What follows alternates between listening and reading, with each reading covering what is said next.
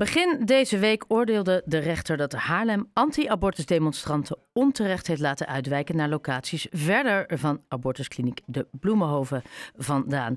De reacties op dit besluit zijn enorm. De woede en teleurstelling onder diverse Haarlemse politieke partijen groot. Maar hoe kijken de buren hiernaar? Is Heemstede bang dat dit ook impact kan hebben op het demonstratieverbod voor de ingang uh, naar de abortuskliniek die geldt in hun gemeente? Burgemeester Nienhuis, goedenavond. Goedenavond. Ja, allereerst, wat was, uh, wat was uw eerste reactie toen u dit hoorde?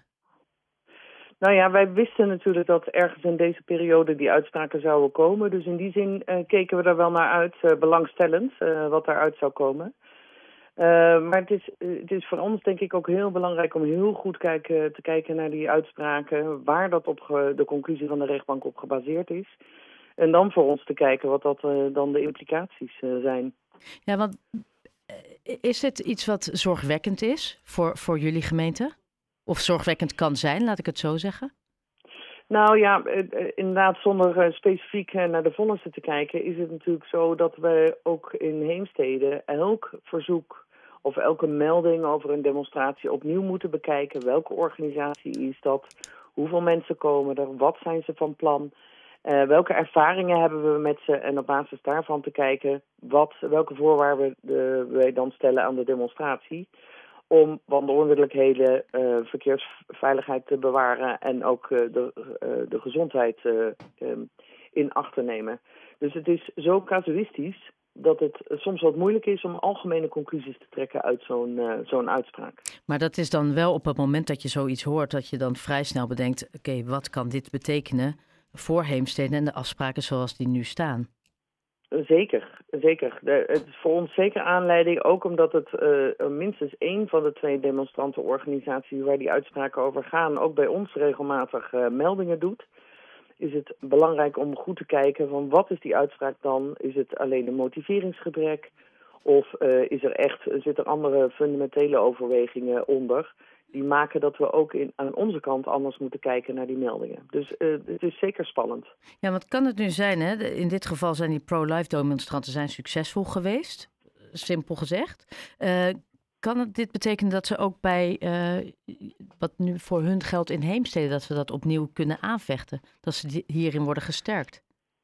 Nou ja, aanvechten is dat natuurlijk niet. Kijk, elke keer, uh, we hebben vorig jaar is er natuurlijk bij ons een, een, uh, een, een, procedure gestart naar aanleiding van een voorwaarde die wij hadden gesteld. En toen heeft de rechter aangegeven dat het proportioneel en evenwichtig is besloten. Dus um, toen mochten bij ons die demonstraties doorgaan onder de voorwaarden die we gesteld hadden, namelijk 25 meter aan de overkant van de weg. Ja. Um, dan kijken we naar deze uitspraken, die we nogmaals goed moeten bestuderen. Ja.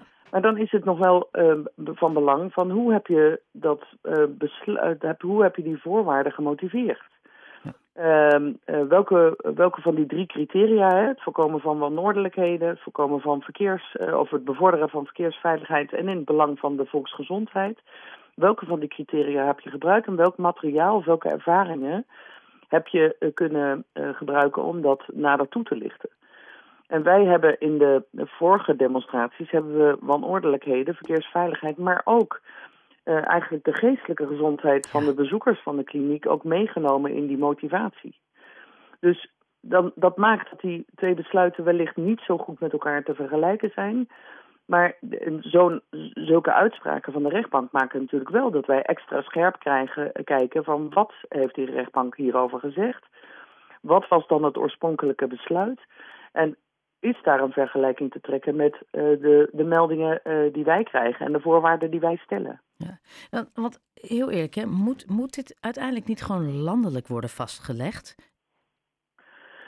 Ja, dat wel en niet kan met betrekking. Ik, ik denk eh, eh, eh, om, om niet elke keer overal op meerdere plekken in Nederland deze discussies te hoeven hebben. Hè. In Utrecht is het geweest, en in, in, Amsterdam en bij ons en in Haarlem.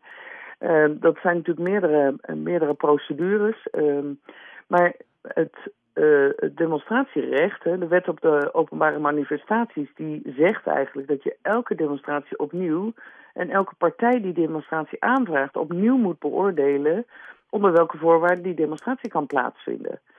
Ehm, en dat, dat kan per locatie verschillend zijn. Maar ik denk dat het wel belangrijk is om te kijken um, welke ervaringen zij er goed registreren, hoe zo'n demonstratie verloopt. Zodat je ook daadwerkelijk die andere belangen die je ook moet behartigen, uh, zodat die belangen ook geborgd uh, blijven.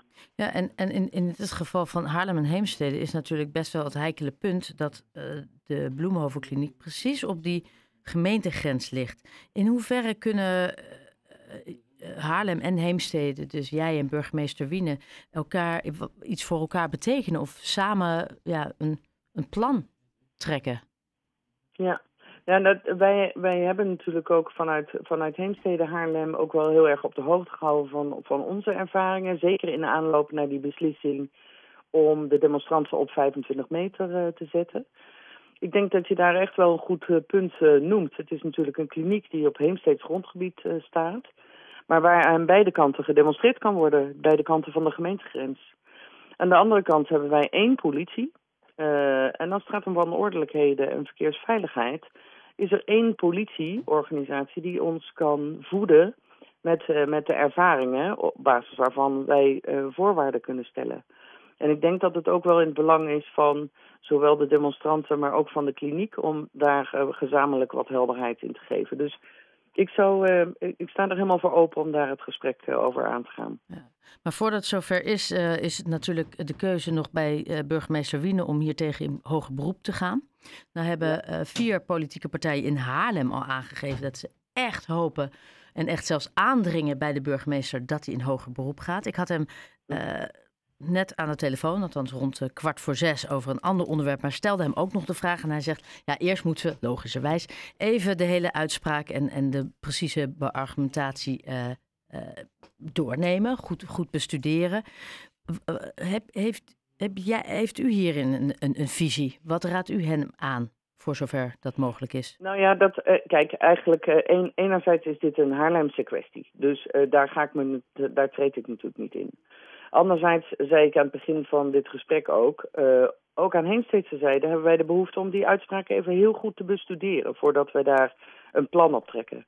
Maar ik denk dat het heel goed is dat als, uh, als uh, meneer Wiener eruit is... En, en wij hebben daar in Heemstede ook een analyse van gemaakt... om dan te kijken van ja, wat gaan we exact. samen doen met demonstratieverzoeken rondom de kliniek. Daar zou, zou ik uh, erg, erg voor zijn... En dat zou denk ik in het belang zijn, die helderheid die dat geeft. zou denk ik in het belang zijn van iedereen die uh, rondom de kliniek um, um, iets van belangen uh, te doen heeft. Ja, ja, dat jullie samen in ieder geval bespreken hoe jullie ernaar kijken vanuit Haarlem en vanuit Heemstede, omdat dit waarschijnlijk nog langer zal voortduren. Deze discussie. Terwijl we natuurlijk respectievelijk in Haarlem en Heemstede de, de, uh, ieder onze eigen bevoegdheid blijven houden. Ja. Maar het is natuurlijk wel één kliniek. Het is uh, terugkerende, dezelfde groepen die komen demonstreren. Soms een enkele andere, maar meestal dezelfde. En die ervaringen die kunnen we gewoon ook met elkaar uh, delen. Dus het zou voor helderheid voor iedereen brengen als we daar uh, een gezamenlijke lijn in zouden kunnen trekken. Ja. En volgens mij zouden meneer Wiene en ik eh, ons daar best in elkaar daarin kunnen vinden. Ja, dat vermoeden heb ik ook.